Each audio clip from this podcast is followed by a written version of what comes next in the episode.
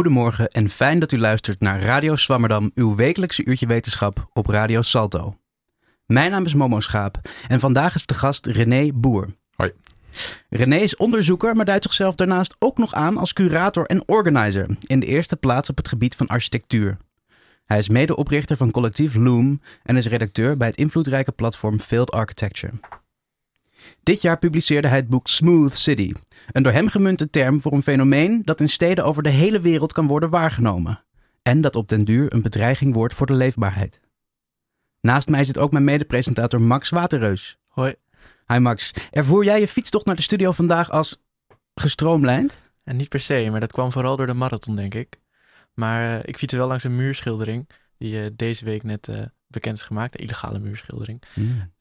En het deed me wel denken, dat was, het idee was om de staatskunstschien weer een schop onder de kont gegeven. Want die gaat heel erg naar, naar beneden. Maar die, dat schilder, dat kunstwerk is helemaal niet op straat gemaakt. Maar gewoon op de straat, op de muur geplakt. Mm. Dat is bij de Vijzelgracht en de Fox Simonstraat. Ik vond het een grappig idee dat het dus helemaal niet, eigenlijk helemaal geen straatkunst is. Maar...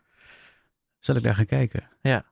En jij René, hoe was jouw fietstocht? Nat, maar uh, ook heel smooth. Alleen er was een heel klein beetje frictie. Er was een hele kleine omleiding bij de Gelderse Kade.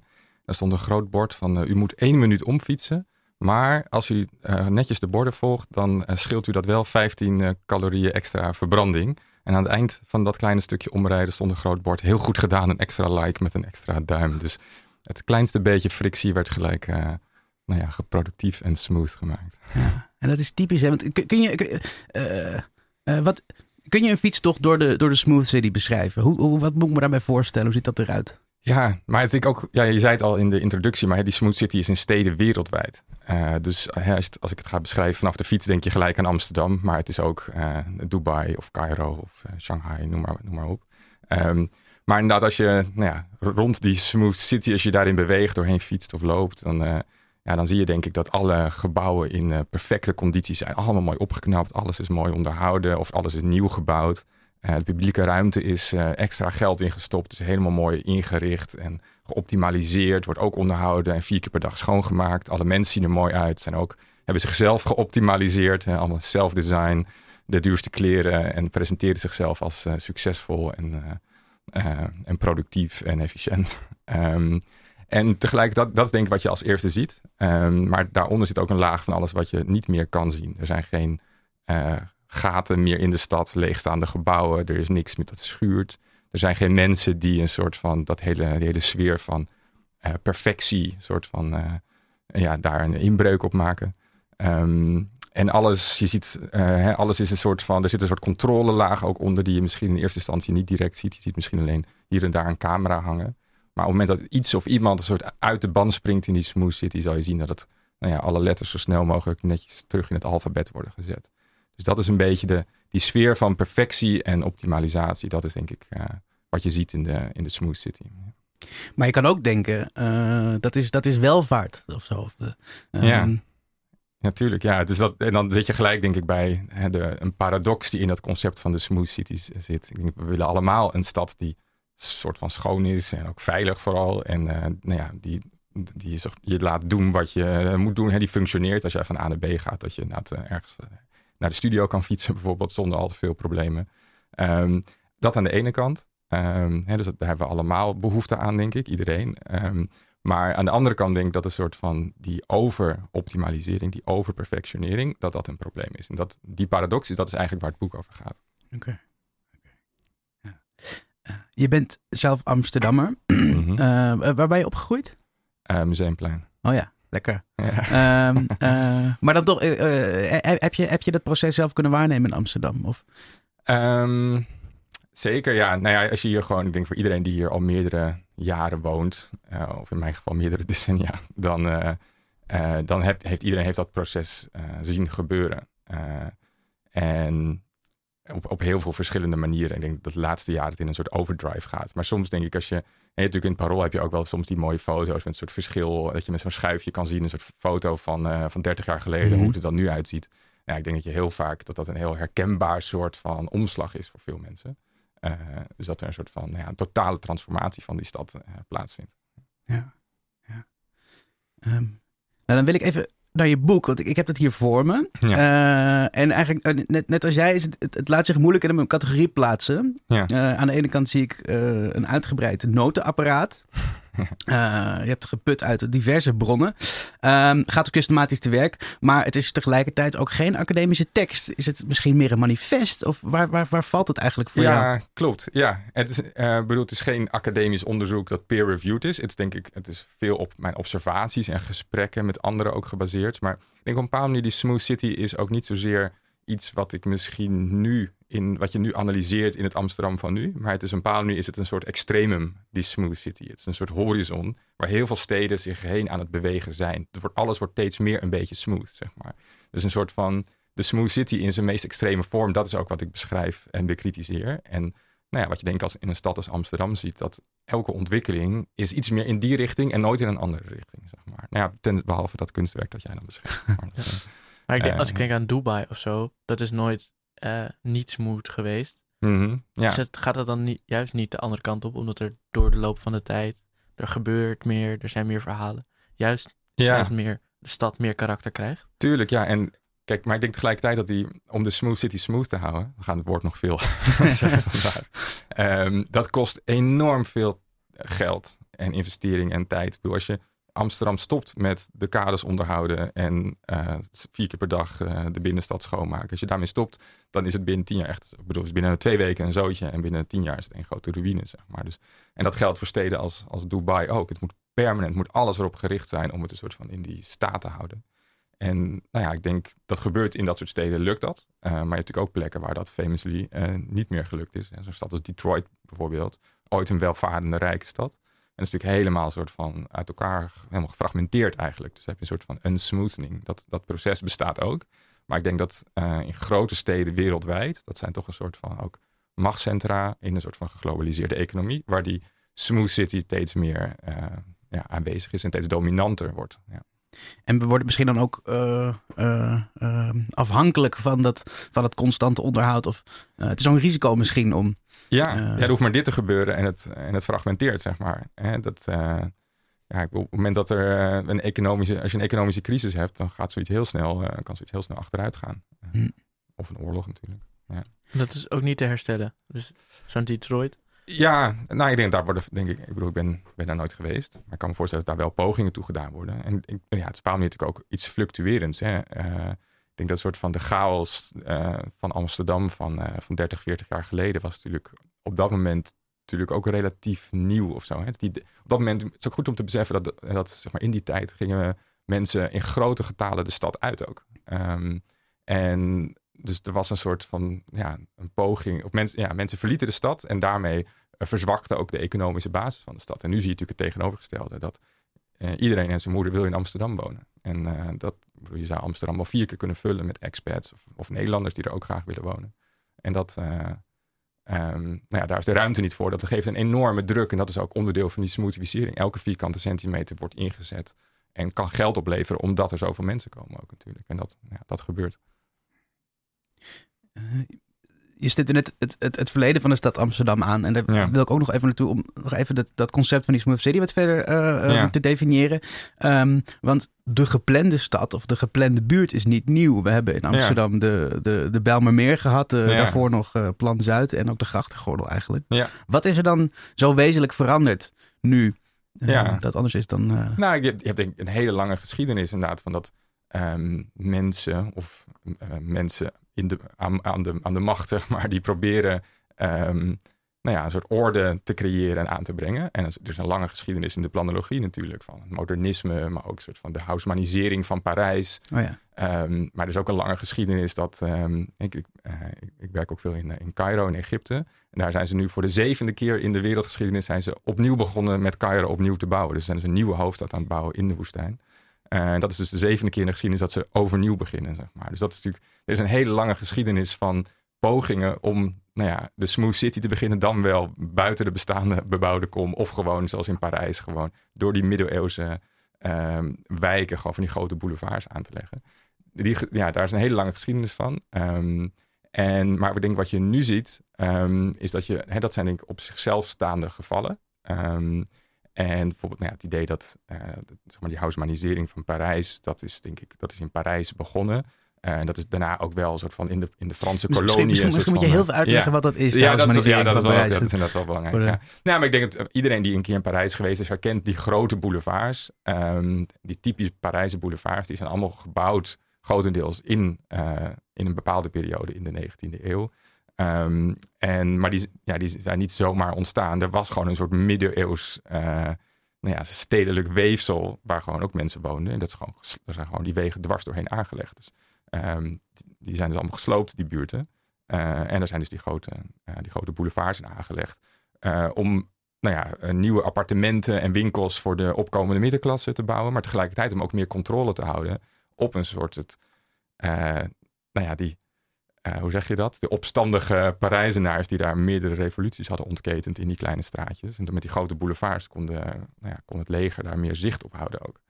Um, dat is eigenlijk de Haussmannisering van Parijs. Maar dat, nou ja, goed, wat ik wilde zeggen, dat is denk ik op een, op een, op een zichzelf staand voorbeeld. En wat je nu ziet met die Smooth City, uh, is denk ik, en daarom was het denk ik ook belangrijk om dat boek te schrijven, is het eigenlijk meer een soort perfect storm. Dat je dat eigenlijk over de hele wereld, een soort van tegelijkertijd, een soort van die specifieke stedelijke conditie met die specifieke esthetiek aan het ontstaan is. Um, en dat heeft, dat heeft te maken met een soort van die neoliberale globalisering van de laatste drie decennia en de impact daarvan op hoe steden worden ingericht. Maar ook dat mensen, zoals ik zei, ook weer graag in de stad willen, wonen. Uh, in tegenstelling tot nou ja, een aantal decennia geleden dat mensen ook wereldwijd de stad verlieten. Um, en dat heeft ook te maken, denk ik, met een soort van digitalisering. Dat we een soort van um, allemaal en alles, de hele stad en wij zelf brengen natuurlijk ook telefoons de stad in. Um, we navigeren ons anders in de stad, maar we richten ons hele leven ook op een andere manier door die digitalisering. En dat brengt ook een soort smooth turn met zich uh, teweeg. Um, en dat zijn eigenlijk denk ik een soort van drie grote ontwikkelingen die op dit moment een soort van in de overdrive gaan en wereldwijd tot die smooth city uh, leiden. En dat is denk ik anders dan nou ja, het specifieke moment van een geplande stad. Hoewel dat natuurlijk ook een poging was om een soort smoothness te creëren. Ja. Je, je, uh, je zegt de brede straten van Parijs. Het is makkelijk om daar, om daar controle op te houden. Maar mm -hmm. is, is, wat, wat, wat is het, het aandeel van controle in die Smooth City? Uh. Ja, dat denk ik best wel een belangrijk, belangrijk element. Um, en dat zit hem in een soort van ook uh, de efficiëntie van het, uh, van het politieapparaat, denk ik. Maar het zit hem vooral ook, denk ik, in een soort van surveillance, die natuurlijk steeds meer en de overhand neemt. In alle sensoren die in de stad zitten, maar ook alle, alle camera's. Maar ook bijvoorbeeld dat mensen hun deurbel, mensen hun zit tegenwoordig ook steeds vaker een camera in. En dan, nu was er zo'n oproep van de, van de Nederlandse politie dat je je, um, je deurbel kan linken aan, aan, aan, het, aan het politiesysteem, zeg maar. Dus eigenlijk dat alles één grote CCTV is. En het feit dat we allemaal de hele dag met camera's uh, rondlopen. Um, en nou ja, als er ook maar iets gebeurt in de stad wat buiten de norm valt van wat er normaal gebeurt, dan pakken mensen hun camera's en beginnen te filmen en staat het online voor, voor, voor altijd. Zeg maar. Dus een soort van langzaam gaan we naar een soort van, uh, dat heet een panopticon. Hè, dus dat eigenlijk alles, dat iedereen het gevoel heeft dat alles potentieel altijd eigenlijk al gezien wordt en gefilmd wordt. Um, en dan hebben we natuurlijk ook nog nou ja, door die digitalisering een soort van de eeuwige opslagcapaciteit. Dus een soort van dat het voor altijd alles gefilmd wordt en beschikbaar blijft. Dat is natuurlijk eigenlijk een waanzinnig idee. En dat heeft van hele grote invloed, denk ik, op hoe mensen in de stad bewegen en hoe ze zich uiten. Maar is, is, is, is, is het element van controle dan ook waarin uh, smoothification verschilt van gentrificatie? Um, ja, dat is een belangrijk element. Dus ik denk dat um, ja, gentrificatie is een, een term die veel gebruikt wordt. Um, maar ik denk in de kern gaat gentrificatie over het verdrijven van mensen met minder geld door mensen met meer geld. En dan in Amerika is dat vrij intens en heftig. Als je, mensen hebben een huurcontract voor een jaar, dat loopt af. En dan de eigenaar zegt, oh, ik kan meer geld vragen. Hup, jullie eruit. Ik zorg dat de mensen met meer geld komen. Uh, en die gaan nu mijn woning huren. En daarmee heb je dus een heel direct proces van dat rijkere mensen heel snel een buurt kunnen overnemen als een, bu een buurt populair wordt. Nou, in Nederland heb je veel meer uh, regulering daarvan. Dus uh, je hebt gewoon huurbescherming. Dus mensen kunnen niet zomaar eruit gegooid worden of opeens een soort van huur verdriedubbeld worden, zeg maar. Um, maar dat, dat gebeurt hier op heel andere manieren. En het is een langzamer proces, maar het gebeurt hier ook absoluut, die gentrificatie. Maar die smoothificering of smoothificatie, die, die vergladding van die stad, is denk ik een, voor mij een breder onderwerp. Dus ik vind het heel belangrijk om die gentrificatie, om die term echt specifiek te gebruiken voor dat demografische, die demografische verandering. Het is eigenlijk een soort ook echt als een wetenschappelijke tool om dat te kunnen analyseren. En een soort van die grotere verandering in de stad, die eigenlijk voor mij veel meer een soort grote culturele, esthetische, technologische, nou, soort binnenste buitenkering van de stad. Um, daar zocht ik eigenlijk een nieuwe term voor. En daar is eigenlijk dus die, die smooth city, de gladde stad van uh, uh, door ontstaan. En wat is, um, wat is dan het gevaar? Om even misschien een naïeve vraag te stellen, maar wat, wat, wat, ja. wat, wat, hoezo is dat mijn probleem en uh, waar kan het naartoe gaan dan volgens jou? Ja, en nou, uh, zoals ik al zei, ik denk dat we allemaal op een bepaalde manier uh, behoefte hebben aan een stad die, uh, die, nou ja, die functioneert en die, die veilig is en die er, die er een beetje gezellig uitziet. Zeg maar. Dat is, dat is absoluut geen. Dat, daar zit denk ik niet de kern van het probleem. Maar ik denk wat die, die Smooth City doet, is dat het eigenlijk de, um, de complexiteit van de stad en de stedelijke omgeving eigenlijk een soort samendrukt in een soort één glad oppervlak. Waar helemaal geen verschil meer is, waar geen diepte meer in zit. Niet de, de, diepte, de diepte van verschil of de diepte van um, dat dingen zich kunnen ontwikkelen van het een naar het ander. Alles is een soort van nou ja, platgedrukt tot één laag, één uh, glad oppervlak, waarin eigenlijk die ook een paar heel statisch is. En waar mensen eigenlijk alleen maar zichzelf in gereflecteerd kunnen zien in plaats van zelf een soort onderdeel van kunnen worden. En in die zin is die Smooth City anti-stedelijk. Dus het is eigenlijk een soort omslag waarin de stedelijkheid uit steden verdwijnt. En nou, ik denk dat stedelijkheid eh, op verschillende redenen heel belangrijk is. Uh, onderdeel ook van stedelijke democratie, maar ook democratie in het algemeen. Dat je een soort publieke ruimte hebt waar mensen zich onderdeel van kunnen maken, maar ook het samen met anderen een soort van kunnen vormgeven en er vorm aan kunnen geven. Um, hè, dat is natuurlijk het ideaal van de, van de Griekse polis of zo. Ik bedoel, dat ja, het is natuurlijk een uh, een heel, uh, dat moet je natuurlijk niet als een soort ideaal nemen, maar een soort van het idee dat mensen dat soort van uh, samen daar een soort onderdeel van kunnen zijn. Um, dat is denk ik heel, heel cruciaal. En dat, ja, dat, dat verdwijnt met de Smooth City. En nou goed, er zijn nog meerdere andere problemen te noemen aan de Smooth City. Maar, bijvoorbeeld? Ja.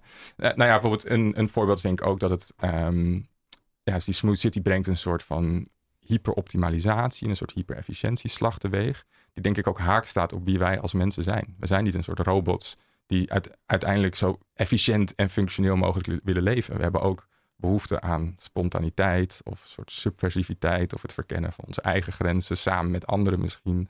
Uh, soort ja, momenten van transgressie of hè, we hebben ook allemaal misschien een soort donkere kant in plaats van alleen maar een soort van uh, hyper geoptimaliseerde kant. En dat, om maar even iets anders te noemen. En dat, zeg maar, die ruimte uh, verdwijnt. Dus de stad wordt eigenlijk alleen maar een soort van die gladde gelikte spiegel, uh, die niet meer, ja, die ver afstaat van wie wij ook als mensen zijn. Zeg maar. Mhm. Terwijl dat misschien helemaal niet zo overkomt. Misschien is het aan op de oppervlakte valt het misschien nog wel heel erg mee hoeveel, uh, hoeveel er gesmoed is. Terwijl, ja. Omdat we denken dat we heel veel keuzes zelf maken, maar die al lang voor ons gemaakt zijn alleen. Is dat, is ja, dat zo? Ja, ja, dat ook denk ik. Ja. Um, ja, het, ja, het zit natuurlijk ook onder de oppervlakte om een paar meer. Ik denk ook alles uh, dat, uh, dat veel vormen van subversiviteit in de stad, die worden ook door zeg maar, het controlemechanisme van de smooth city een soort van weggepoetst. Dus um, mensen hun pogingen om een soort andere draai te geven aan die stad, of een soort van meer hun eigen emoties en verlangens ook onderdeel te maken van de stad, worden al zo snel mogelijk weggepoetst. Um, ik woonde bijvoorbeeld in een woongroep op de Kinkerstraat uh, vrij lang. En daar hadden we Um, daar plakten mensen allemaal politieke, van, van die uh, gepolitiseerde stickers op de deur, zeg maar. Dat uh, nou ja, kan je daar zo je, lekker je mening mee, mee uiten. Maar op een ochtend kwam de gemeente die allemaal een soort van draf poetsen, want het was een soort van no tolerance voor stickers en graffiti in de Kinkerstraat vanaf nu. Dus, en een soort van heel basic vorm. Ik bedoel, het echt een miniem voorbeeld op een paar manier, maar het, in essentie laat het wel goed zien, denk ik, dat iemand voegt zijn politieke ideeën toe aan de stad en dat wordt dan een soort van glad gemaakt met het idee dat dat een soort van nou ja, mooier is zonder politieke statements, zeg maar. Uh, denk als voorbeeld hoe een soort van. En, en als je nu daar langs loopt, dan, ja, dan weet je nooit dat die stickers daar gezeten hebben. Zeg maar. Dus dan mensen hun ideeën en verlangens zijn al weggepoetst. En ja, brengen jou ook niet op het idee van hé, hey, ik, ga daar, ik ben het er niet mee eens. Ik doe een andere sticker. Of ik doe weer iets tegen of ernaast. Of ik ga mijn eigen ding toevoegen. Dus die hele stad is dan een soort van nou ja, glad en opgeknapt en schoon. Dat biedt ook minder ruimte om een soort van je eigen interventies te doen.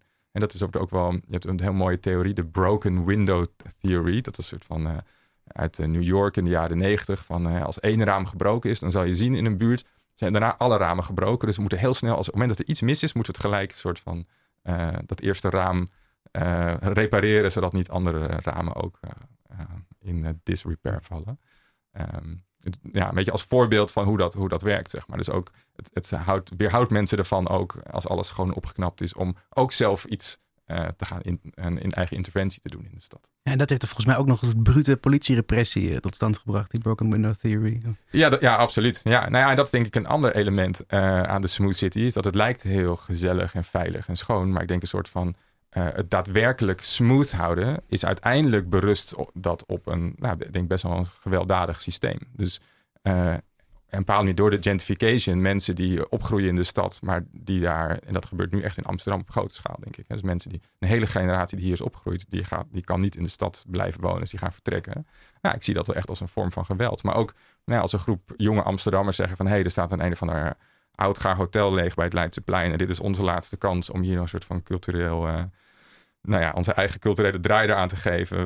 We, gaan hier naar binnen en we, en we gaan gewoon aan de slag. Dat er uiteindelijk uh, ja, staan er gewoon tien uh, ME-busjes klaar om, uh, om, om, daar een eind aan te maken. Zeg maar. Dat is denk ik op een bepaalde manier ook de onderligger van de Smooth City. Op het moment dat het niet hè, iemand die uiteindelijk echt daadwerkelijk die smoothness betwist, die krijgt gewoon te, maken met de lange arm van de staat uiteindelijk. Maar zijn vrijplaatsen wel een compromis dat je kan maken met de Smooth City? Of is het nou, Misschien geen langdurige oplossing of geen houdbare oplossing.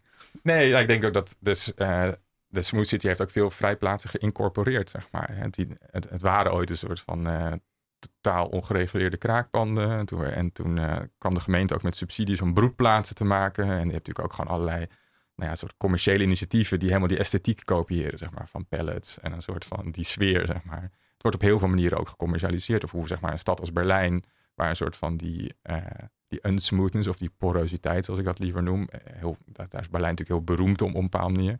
Nou ja, het aantal, een soort van, er is een hele industrie omheen die daarvan profiteert natuurlijk. Van, van dat mensen dat willen zien en uh, dat mensen daarop afkomen, zeg maar. Dus er zit, dus denk de Smooth City is op een bepaalde manier ook, eh, nou ja, een soort van alleseter die alles een soort van in dat soort van die uitdijende olievlek van smoothness brengt.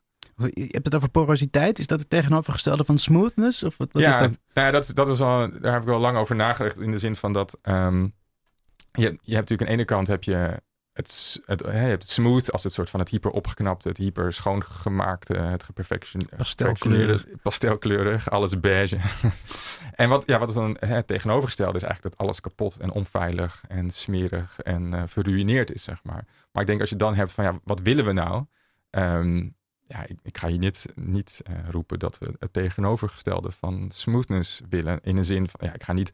Uh, ik ben geen voorstander van een, een onveilige stad waarin mensen voor hun leven moeten vrezen. Natuurlijk, dat is niet. Uh, dus ik was heel erg op zoek naar een soort van wat willen we dan wel? En misschien moeten we buiten een soort van dat spectrum. En dan toen, um, ja, kwam ik op dat idee van die porositeit, waar trouwens ook veel andere auteurs over geschreven hebben over dat idee. Dat al honderd jaar geleden had Walter Benjamin het daar al over.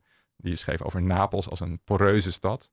En het idee van een stad als een, eh, nou ja, als een spons bijvoorbeeld. Een poreus materiaal waar dingen in en uit kunnen. En de dingen die erin stromen, die veranderen ook de kwaliteit van het materiaal. Maar het is een soort van vrije open ruimte waar je een soort van nou ja, mede het, het grotere geheel kan vormgeven. Zeg maar. Ja. Klinkt heel idealistisch. ja. ja. Uh. Is, de, is, de, is, de, is de Smooth City is die fundamenteel antidemocratisch? Ik heb je dat woord wel horen gebruiken in een ander interview. Ja. Ja, is dat zo? Ja, ik denk het wel. Nee, um, in de zin van als een soort van in dat Smooth City van, dat, van die extreme, de extreme Smooth City waar ik het over had. Um, als in die zin dat daar, uh, als alles een soort van geperfectioneerd is, er geen alles een soort van geoptimaliseerd, dat er geen enkele mogelijkheid is voor niemand om daadwerkelijk ook een soort iets te veranderen aan de stad. Uh, zonder dat je, hè, als je, je kan geen politieke poster uh, plakken, want die wordt weggehaald. Dus je kan alleen maar een billboard huren. Je kan niet zomaar een, een, een ruim toegang, jezelf toegang verschaffen tot een ruimte om, I don't know, je eigen kerkgenootschap of een nieuw uh, winkeltje te beginnen. Want het is allemaal extreem duur. Denk hè, dus dat alles uiteindelijk een soort van, de, elk element van de stad, als dat gewoon een soort van een commoditeit is. Hè, er moet veel geld voor betaald worden.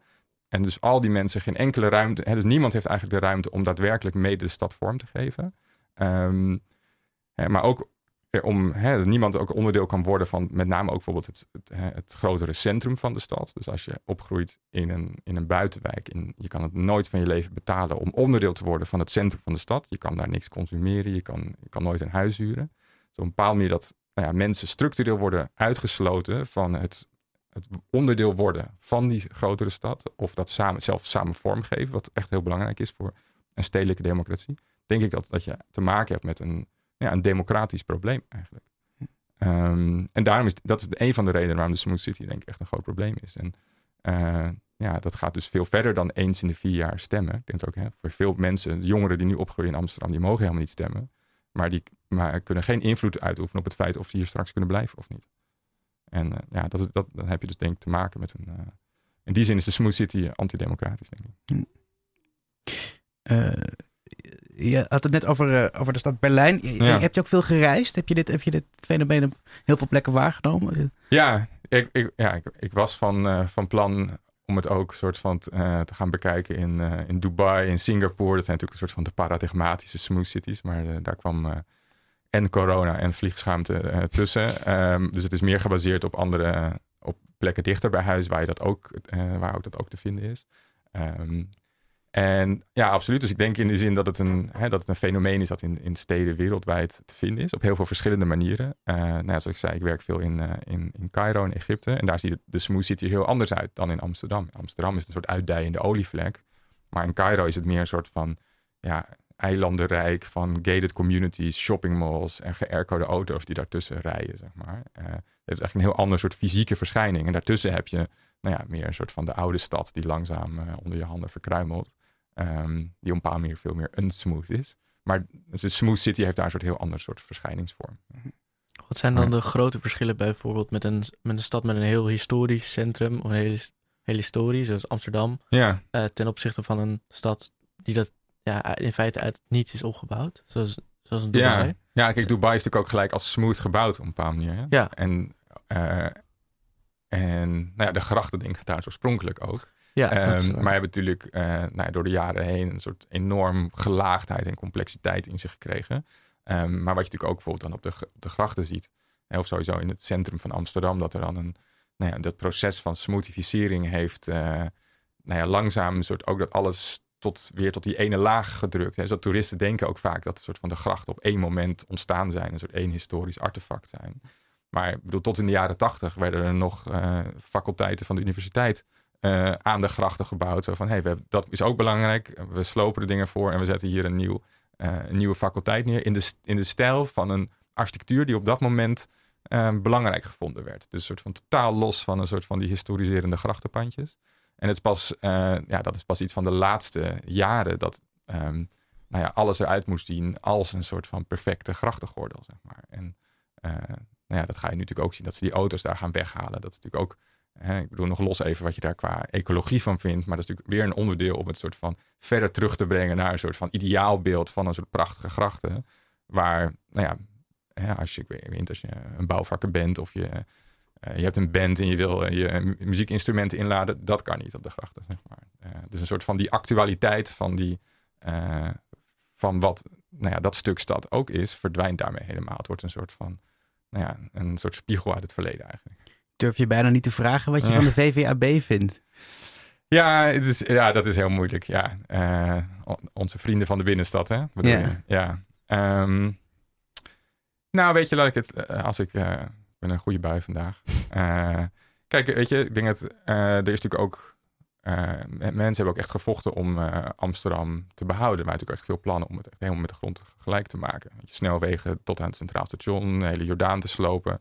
Ik bedoel, ja, er is wel een, een, generatie mensen geweest die zich hebben ingezet om, nou ja, uh, delen van het historische Amsterdam te, bewa te, bewaren. Dat is, dat is gelukt. En nou, daar kunnen we ze ook wel dankbaar voor zijn, denk ik. Dat, hè, die historische laag behouden is, kan ook juist een onderdeel zijn van die complexiteit. Ten, hè, dus in, in, tegenstelling tot de smooth city, dat je juist soort van die complexiteit ruimte wil geven. En daar kan een, een mooie, complexe historische laag kan daar onderdeel van zijn. Maar ik denk dat we in Amsterdam nu gezien hebben dat een soort van ja, die hele historische binnenstad en daarbuiten wordt alles is tot, tot in de puntjes opgeknapt. Alles is bewaard en gerenoveerd. Alles is een monument. Je mag nergens meer aankomen. Ik denk, ja, eh, dat, dat schiet denk ik op dit moment eh, te ver door. Dus eh, misschien hebben we weer de, de vijanden van de Amsterdamse binnenstad nodig. Een nieuwe, een nieuwe club nog op te richten. Ja. Dus in feite Ja. zeg je eigenlijk, het lijkt alsof we door eh, de snelweg te ontwijken, juist dat ook die smoothness ontwijken. Maar eigenlijk is het bewaren van de Amsterdamse historie ook een smoothness op zich. Maar wel een andere soort smoothness dan het creëren van allemaal grachten. eh, of eh, het creëren van allemaal snelwegen door, door de Amsterdamse Ja, en dat, dat is, dus ik denk ook dat die smoothness heeft niet denk ik één vorm. Eh, Zeg maar die, Ja. die drang naar perfectie en optimalisering, die, die kan in allerlei eh, verschillende uitingsvormen ontstaan. En op dit moment zie je dat er een soort populariteit is van een soort gezellig, historisch, eh, rustig eh, soort omgeving als, als een soort ultieme perfectie. Waar je een soort van doorheen kan lopen en een mooie boutiquewinkel kan binnenlopen en koffie kan drinken, een mooie concept koffie gebeuren, zeg maar. Ehm, dat is nu een soort ultieme droom van smoothness. Maar je had natuurlijk een soort van het modernisme van nou ja, grote flats in het groen met snelwegen ertussen. was vroeger een soort perfectie of een soort ideaalbeeld van de ultieme perfectie, zeg maar.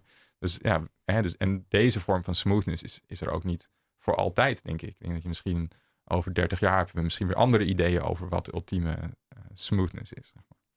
Ja. Dus, ja. Eh, een stad die ik bepaald minder smooth vind dan Amsterdam, zo ervaar, is Brussel. Mhm. Ehm, we gaan nu luisteren naar eh, de bijdrage van een nieuwe columnist bij ons, Piet Ruig. Eh, in dit geval misschien wel columnist, annex correspondent. Eh, want hij stuurt een bericht eh, vanuit Brussel. Goedendag luisteraars. Mijn naam is Piet Ruig en ik ga het hebben over stedelijke dysfunctie en alcoholisme. Ik woon in Brussel, wat een belachelijke stad is. De Byzantijnse politieke structuur vertoont zoveel scheuren dat het hier bij vlagen volstrekt onbestuurbaar is geworden. Die scheuren zijn wel dubbel, want enerzijds zijn ze erg onprettig, anderzijds bieden ze ook mogelijkheden. Het lokale waternet gaat bijvoorbeeld bijna failliet, om geen andere reden dan dat ze het bureaucratisch niet meer voor elkaar krijgen om rekeningen te versturen. De afgelopen jaar, eh, twee jaar heb ik dus geen enkele cent aan water betaald. Tegelijkertijd is dat water zo ondrinkbaar dat je het alleen met een fikse kater nog wegkrijgt. Als je zo'n droge mond hebt dat je zelfs het kanaal zelf nog zou drinken. Veel verschil is er in elk geval niet qua smaak. Het is dan ook niet verrassend dat Brussel een stad vol alcoholisten is, waar men zonder blikken of blozen voor tienen een pintje drinkt op het terras. Ik heb de theorie dat dit dus samenhangt met dat vieze water. Je kan, het, je kan natuurlijk niet de hele dag ladderzat zijn, dus moet je zo vroeg mogelijk beginnen. Zo kan je uitdroging uitgekiend managen, zodat je de volgende ochtend precies eh, genoeg dorst hebt om het water eh, weg te krijgen. Maar deze drinkerstad heeft sinds kort een nieuw monument aan de eigen alcoholcultuur. Nederland blijft het gidsland, dus heeft men hier besloten om een eigen versie van de Heineken Experience op te tuigen. De Belgian Beer World. Eigenlijk wilde ik voor deze column er even langs, maar mijn maten lieten me zitten en ik kreeg mezelf niet zo ver om alleen 17 euro neer te tellen voor de meest triestige bierbeleving die ik me voor kan stellen. Dus nu lees ik dit maar thuis voor. Maar ook in deze Beer World ontmoeten stedelijke ontwikkelingen en alcoholcultuur elkaar. De Beer World is gevestigd in de Oude Beurs, een monument van twijfelachtige stadsvernieuwing. Een neoclassiek gedrocht, het, het stuk van de huismanisering van Brussel eind 19e eeuw. Daarvoor had Brussel een middeleeuws centrum met een bijpassende smerige rivier, de Zenne.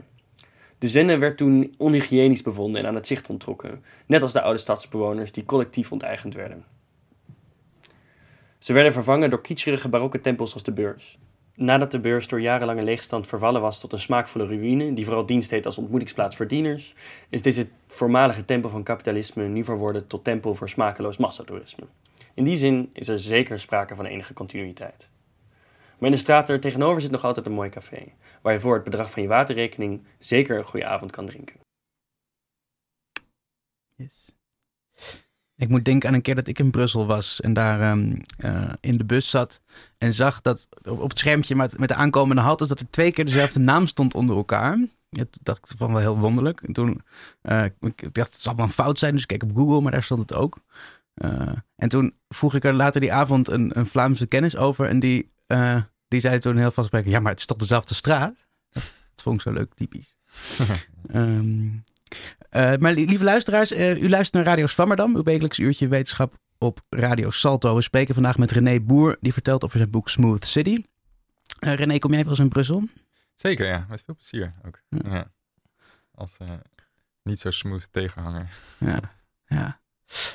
We hebben nu een hele tijd gesproken eigenlijk over wat nou die smoothness precies is. Eigenlijk over de aard van het probleem. Maar misschien kunnen we dan nu in de tweede helft van dit programma ehm, gaan kijken naar wat we dan eigenlijk in vredesnaam nog kunnen doen. Hoe kan het beter? Moeten we ruiten gaan ingooien? Ehm, ja, je knikt. Je, knikt? Ja, ja want erg, je moet ergens beginnen. ja. Um, ja, wat kunnen we daaraan doen? Nou ja, misschien goed, leuk om nog even terug te komen op Brussel. Um, wat denk ik op een paar manier heel interessant is, dat is, uh, nou ja, de columnist had het over uh, scheuren in de stad. Dat vind ik wel, dat vind ik wel een mooi idee. En ik denk ook dat je ja, problemen in de stad, uh, alcoholisme of um, nou ja, uh, zeg maar water dat niet van kwaliteit is, om maar wat te noemen. Dat, ja, dat moet je denk ik op geen enkele manier romantiseren als een soort van heel positief. Maar het gevoel dat je in zo'n stad, nou ja, dat daar scheuren in zitten en momenten, kansen om nou ja, zelf, je, zelf iets toe te voegen. En niet alleen te consumeren, maar ook op andere manier te zijn in zo'n stad. Uh, dat, dat is denk ik heel waardevol. Uh, en in die zin uh, heb je ook het gevoel dat er in Brussel veel meer kan gebeuren. En gebeurt er ook veel meer. Um, en ja, en daarmee denk ik een heel interessante stad, ook zo dicht bij, bij Amsterdam. Ja. Maar het, het, het, het, draait er dus om een soort. Komen toch terug bij vrij, vrijplaatsen om een soort open ruimtes te, te creëren. Is dat nog mogelijk in een stad als Amsterdam? Ja, dat is denk ik zeker niet mogelijk. Uh, denk, hè, dat zag je denk ik aan Hotel Mokum. Dat is voor mijn gevoel echt de laatste keer dat dat op een soort zekere schaal uh, gebeurd heeft. Dat zet kraakband bij het Leidseplein dat ja, ontruimd is vorig jaar. Ja, ja exact. Ja. Um, nou, en je, en je, ziet ook hè, dat zelfs onder een links stadsbestuur zijn ook de laatste, laatste vrijplaatsen de nek omgedraaid. Weet je, als ADM bijvoorbeeld, wat echt een enorm belangrijke plek was in de stad. Uh, nou ja, en de hoop was dat onder een links stadsbestuur nou ja, daar wel een soort inzet voor zou zijn. Uh, maar dat, ja, dat is nu dat is ontruimd en dat is nu een werf voor luxe jachten geworden. Dus dat, wordt, dat wordt daar nu gerealiseerd. Um, en dan, ja, dan zie je nog dat ADM kan dan nog naar een soort, soort veldje bij een oude rioolzuivering in, in Noord voor 2,5 jaar. En het wordt dan 4 jaar, maar soort van, het is, e-, dat is echt letterlijk een rafelrand aan de marge, uh, aan de rand van de stad. totdat het hele, zelfs ook daar niet meer mogelijk is. Totdat ook een I don't know, golfbaan wordt of een, of een nieuwe woonwijk. Uh, dus ja, in die zin ben ik redelijk pessimistisch dat er inderdaad weinig, hè, weinig vrijplaatsen in, in Amsterdam zijn. Maar het is denk ik ook niet de enige manier om, uh, om aan een soort van die poreuze stad te gaan werken of voorbij de smoothness te komen. Ja, maar wat, wat dan wel bijvoorbeeld? Nou, ik denk bijvoorbeeld, hè, wat, wat ik heel interessant vind, dat je nu ook uh, een nieuwe generatie hebt die druk bezig zijn met die wooncoöperaties in de stad. Um, en dat is iets anders dan een wooncorporatie. Corporatie die grote instellingen die, die, sociale huurwoningen verhuren. Of niet alleen gewoon huurwoningen in het algemeen. Um, en die wooncoöperaties, um, dat is eigenlijk iets nieuws. Of het bestaat al heel lang, maar in Amsterdam is het nu iets relatief nieuws. Waarin een groep mensen uh, een stuk grondpacht van de gemeente er een gebouw op zet. Waar, ze, um, waar de vereniging die zij hebben opgericht, is daar dan eigenaar van. Dus zij niet persoonlijk, maar die vereniging. En zij huren weer van hun eigen vereniging. Dus daarmee uh, kunnen ze, hè, ze hebben ze dus geen, eh, geen persoonlijk eigendom. Ze hebben niet een eigen hypotheek, maar ze hebben gewoon een huurwoning die ze zelf eigenlijk gerealiseerd hebben. En dat zijn betaalbare, zelfgemaakte, zelf ontworpen of hè, met hulp van architecten zelf ontworpen woningen. En dat is, um, nou ja, dus ontstaat daar een klein stukje betaalbaarheid, maar ook een soort eigen droom die mensen hebben toegevoegd aan de stad. En ja, de, de realiteit laat zien dat um, de praktijk laat zien dat de realiteit iets, eh, iets uh, cynischer is. In de zin, hè, de gemeente schrijft ontzettend veel voor. Het moet precies zo groot en zo breed. En uh, het, moet, het moet ongeveer zo en zo. En het moet aan deze eisen voldoen. Dus het is niet helemaal dat je daar een soort van je eigen droomkasteel kan bouwen met, op je eigen manier. Er ontstaat nog steeds best wel een soort regulier gebouw op een bepaalde manier. Maar toch dat een groep mensen met elkaar samen iets kan toevoegen aan de stad. Wat betaalbaar is. Waar ook een soort publieke ruimte in zit. Nou, dat, dat is denk ik een heel hoopvol soort klein voorbeeld van hoe dat misschien op grotere schaal in de stad ook uh, zou kunnen. Dus uh, ik bedoel, er zijn, alle, ja, er zijn heel veel verschillende vormen, denk ik, te bedenken. Ook dat je, nou, wat denk ik ook interessant is, dat toch ook, uh, daar, heeft, heeft, de gemeente denk ik een goede rol in gespeeld. Um, bijvoorbeeld in het, het Ballengebied, hier, hier vlakbij. Um, dat de gemeente ervoor gezorgd heeft dat een soort oude Amerikaanse sportsbar gewoon puur op toeristen gericht is.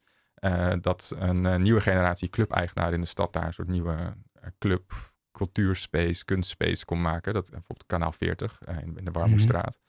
Om maar even een voorbeeld te noemen, hè, dat heeft op een bepaalde manier heeft een soort van die hele club ook weer een soort smoothness in zich met alle dure cocktails die ze verkopen. Maar toch dat je een soort van nieuwe generatie, een soort nachtondernemers, een soort toch weer een plek hebben in de stad om hun eigen draai aan te geven. Die een soort van ja, een hedendaagse toevoeging geeft aan de stad. Um, ja, dat, dat is voor mij een soort nieuwe vorm van porositeit ook. Dus uh, om maar een, een, voorbeeld te noemen. Ja. En heeft het, heeft het, heeft het, het, uh, het formuleren van dat concept van de Smooth City en het publiceren van dit boek, heeft, Mhm. het, heeft, dat er iets teweeg gebracht?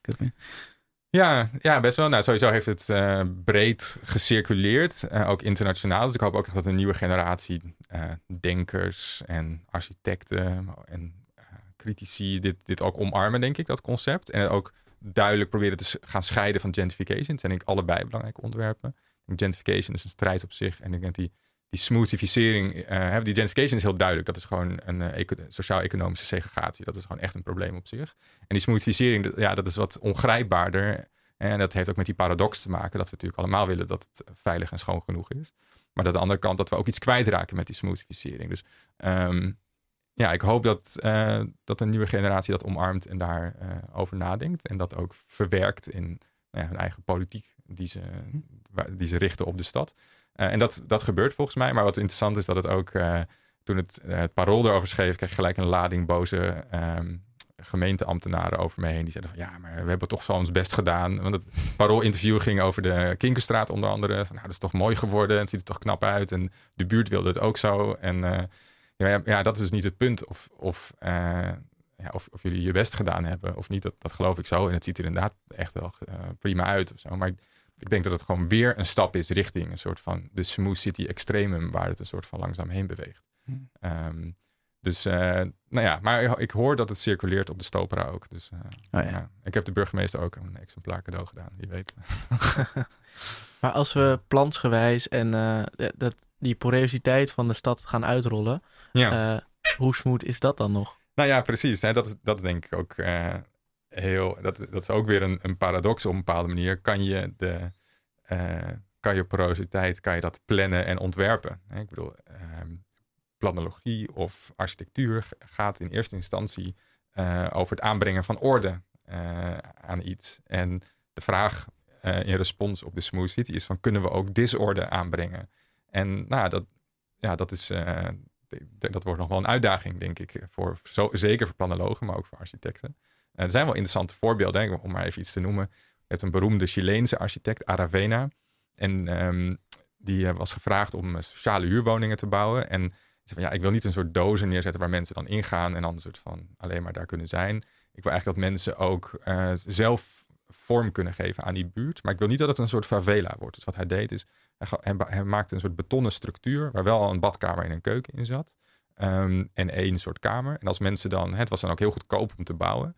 En als mensen dan weer wat geld verdiend hadden, konden ze het verder uitbouwen. Dan konden mensen zelf een woonkamer erop zetten of nog een slaapkamer. Dus er ontstonden een soort van nou ja, prachtige, zelfgebouwde, zelfontwikkelde huizen. Maar wel op een soort kern die wel een soort van basisfunctionaliteit en orde gaf. Ik denk dat is een heel mooi voorbeeld over het eh, vaak aangehaald voorbeeld. Maar ik denk dat het wel laat zien hoe je een soort van ook een mix kan ontwerpen tussen een soort van nou ja, basisveiligheid en kwaliteit. En toch ook een soort vorm van openheid, eigenheid, spontaniteit, het ongecontroleerde, het, het verbeeldende. Dat daar toch ook ruimte voor kan zijn. En nou ja, het is moeilijk denk ik om dat specifieke voorbeeld naar Amsterdam te vertalen. Maar dat is denk ik een denkoefening die architecten nog moeten gaan, eh, gaan doen. En ehm, eh, eh, buiten het, het, het publiek in de brede zin te overtuigen, heb je ook op, op meer manieren volgens mij geprobeerd om eh, je invloed te doen gelden. Ook door Ja. rechtstreeks met architecten te gaan praten, toch? Of niet? Of een- Ja, zeker. Ja. En ehm, ook wel allerlei workshops gedaan met architecten of met architectuurstudenten ook. Ehm, nou, dat is wel mooi. We hebben twee jaar geleden ook wel een interessante workshop gedaan, waar ook een aantal architecten bij betrokken waren. En wat ik een heel mooi antwoord daar vond, van, van oh ja, Amsterdam is helemaal klaar, het is helemaal smooth.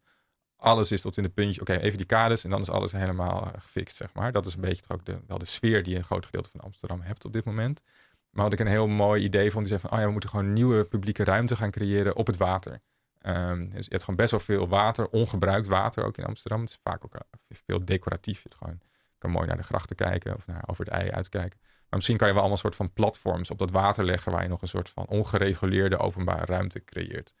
Ja, ik bedoel, het was heel snel bedacht in een soort opwelling door die eh, architect, Jeffrey Bolhuis heet hij.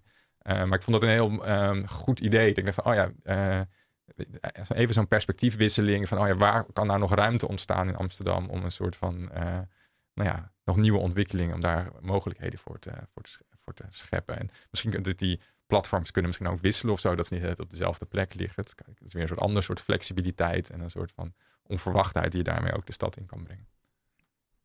Ik, ik wil nog even naar een term die ik ergens anders heb horen gebruiken. Want wat Ja. betekent het nou om een stad te queeren? Ja, ja dat, dat is ehm, dus ja, als een soort ideaalbeeld tegenover die smooth city eh, plaats ik dus de, de poreuze stad, de porous city. Ehm, en de vraag is, ja, hoe, hoe kom je daar? Eh, en we hebben het net al over het, het disordering gehad van door architecten en planologen. Dus een soort van ja, actief eh disorde aanbrengen.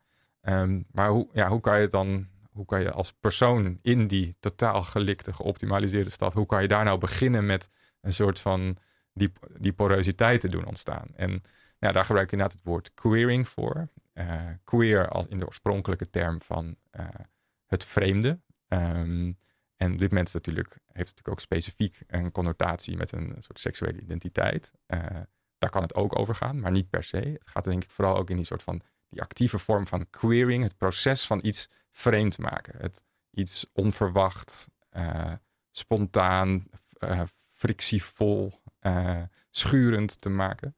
Ehm, en dat kan denk ik op heel veel verschillende manieren. Als jij, nou, om even terug te komen bij- het, het simpele voorbeeld van politieke stickers plakken. Misschien het kleinste voorbeeld wat je kan bedenken, maar een soort van in een stad, die, een kinkerstraat die helemaal schoon opgepoetst is en waar eh, langzaam deze duurdere winkels komen, waar alle appartementen voor de hoogste prijs verkocht worden. Als jij daar met een stapeltje stickers loopt en zegt van dit vind ik, dan is dat een hele minieme vorm van queering die je aanbrengt aan de stad. Dus in plaats van dat je een soort van gladde spiegel hebt van de stad, zit er ergens iemands mening ook gerepresenteerd in die stad. En ehm, dat is denk ik een heel soort klein voorbeeld. En wat er daarmee gebeurt, daar, door die queering ontstaat voor mij die porositeit. Dus een soort van, hè, er zit opeens in dat gladde oppervlak zit eigenlijk één gaatje van eh, iemand heeft daar toch een soort van zijn eigen draai aan gegeven. En eh, voor een tweede persoon die langsloopt, die kan daar denk ik heel makkelijk weer een tweede sticker bij plakken. Dat is, die bro- hè, dat is misschien de Ja, dat ik zeggen, ja. de reversed broken window, de omgedraaide broken window theory. Hè. Er is één sticker geplakt en dan is het wel iets makkelijker om een tweede sticker bij te plakken. Dat zie je trouwens vaak in de stad. Hè. Als er ergens al een soort sticker-ecologie ontstaan is, dan die groeien heel erg. Een soort van, er worden een soort hele velden van kleurrijke stickers. En, ehm, maar goed, dit is natuurlijk een heel, op een bepaalde manier een eh, beetje een suf voorbeeld, maar het kan ook op heel, het, kan ook op een soort grotere schaal. Ik denk wat Hotel Mokum gedaan heeft, is natuurlijk ook een vorm van het queeren van de stad. Die Marnixstraat is helemaal opgepimpt en de Leidstraat is één grote gladde space geworden. En op het moment dat, je dan, dat zij daar dat, dat oude ho- hotel binnengingen, dat is natuurlijk letterlijk een soort van het verwarren en verdraaien van die orde van de stad. En, ehm, en ook letterlijk het creëren van porositeit. Ik bedoel, dat was helemaal dichtgetimmerd. En ze hebben letterlijk eh, die planken van de gevel gehaald. Dus er ontstond weer een soort adem. Die deur kon je in en uitlopen. Dus er ontstond letterlijk een soort van een soort poreuze stad waarin mensen met elkaar bezig waren om die stad vorm te geven. Ja. En ja, dus vandaar het, het queeren ja, eh, als, als, als belangrijke term. Ja. Eh, Kan, je er iets, kan je er iets mee? nee, daar kan ik Ja, zeker iets mee, dat, ja, eh, dankjewel. Ja. Ehm, eh, ik ga proberen een brugje te maken naar een andere vraag die ik had. Ehm, want ondanks dat je queer niet gebruikt op de manier zoals het vaak nu wel wordt Ja. LGBT. Maar zo kan je het ook gebruiken. Ja, ik weet ook, ja, ja, ja. Nee, maar ja. toch, toch wilde ik nog even stilstaan bij het feit dat wij hier wel ehm, aan tafel zitten nu met drie mannen die ehm, een bepaald soort onveiligheid op straat nooit hoeven te ervaren, namelijk Ja. het worden. Ehm, Ja. Dus ik, ik wil graag even kijken naar die, naar die, naar die, naar die, naar die veiligheid. Ja. Ehm, want het is voor ons makkelijk praten. Ja, en er zit ook absoluut een gevaar van romantisering. Ja. Toch, eh, lekker ruig. En eh ruige Ja. stad, dat is heel tof en zo. Ja. Ik woon, ik, Ja. ik, ik, ik woon hier in de buurt in de, in de binnenstad. In een, eh, en ik vind het heel leuk door ook om hier te wonen. Door eigenlijk alle toeristen en de gekkigheid. En Mhm. wat dan ook. Het houdt het voor mij houdt het, het bruisend. Maar goed. Maar vrouwelijke huisgenoten van mij die willen toch niet s'avonds over de wallen lopen soms. ja. Nee, en dat is, ook, dat is ook vreselijk natuurlijk. Dus daarom denk ik ook dat we eh, dat die ruigheid, dat we dat niet, eh, of de onveiligheid, dat we dat absoluut niet eh, moeten romantiseren. En er is een eh, goede feministische geograaf, Leslie Kern, die ik ook veel citeer in het boek. En die zegt van ja, de, hè, de stad vandaag de dag is nog steeds a city of man. En dus alles wordt eigenlijk een soort van gepland en bedacht met de man in, het, in het achterhoofd, zeg maar. Dat is nog steeds het uitgangspunt eigenlijk. En nou, in, haar, in haar werk geeft ze daar hele goede voorbeelden voor waar dat allemaal uit blijkt. En nou, dat, daar kan ik me zeker in vinden. En, ehm, maar ik denk ook wat een beetje het gevaar is op een bepaalde manier, en dat schrijft Leslie Kern ook heel goed, ehm, dat, het, dat het denk ik eh, een illusie is dat de smoothificering, dat dat per se eh, de feministische stad is, zeg maar. Dus een Hmm. soort van een hypergecontroleerde stad met overal camera's en politie, waarin alles een soort van eh, heel duur gemaakt is, is niet per se een veilige stad voor, eh, voor alle vrouwen of alle queers bijvoorbeeld. Ik denk dat ook. ehm, de- Leslie Kern schrijft bijvoorbeeld van, en dat is denk ik, eh, om dat te creëren zijn heel veel andere gemarginaliseerde groepen weer eh, verwijderd, zeg maar. De, eh, de, de daklozen die zijn eh, eruit gegooid. Alles eh, wat, wat niet zeg maar eh, in, het, in het gelikte plaatje past, is, eh, is verwijderd. Alleen maar om een soort illusie van totale controle te creëren. En Leslie Kern zegt terecht van ja, we zouden naar een heel soort ander soort concepten van veiligheid toe moeten. Niet eentje die gebaseerd is op een soort van hyperconsumentisme en eh surveillance, camera's en politie, maar veel meer naar een soort intersectioneel idee van ehm, nou ja, dat is eh, gemeenschappen met elkaar voor vormen van veiligheid zorgen. Sociale Eh, controle. ja, sociale controle, eh, zonder dat het heel normatief wordt, maar meer een soort van, nou ja, door, hè, dat is denk ik bijvoorbeeld ook een probleem in de binnenstad van Amsterdam. Ik denk, veiligheid is voor een groot gedeelte gebaseerd op het feit dat je een soort gevoel hebt van, oh, daar, wonen, daar wonen mijn buren, daar zit die winkel, als ik daar loop, dan herken ik dat. Wat je natuurlijk in, in Amsterdam, in de, zeker op de Wallen hebt, omdat ze miljoenen toeristen hebben losgelaten op deze stad. Ehm, dat je eigenlijk totaal meer geen beeld hebt ook wie jouw buren vaak zijn. Je ziet de enige mensen die je tegenkomt in, op straat zijn hordes eh, toeristen.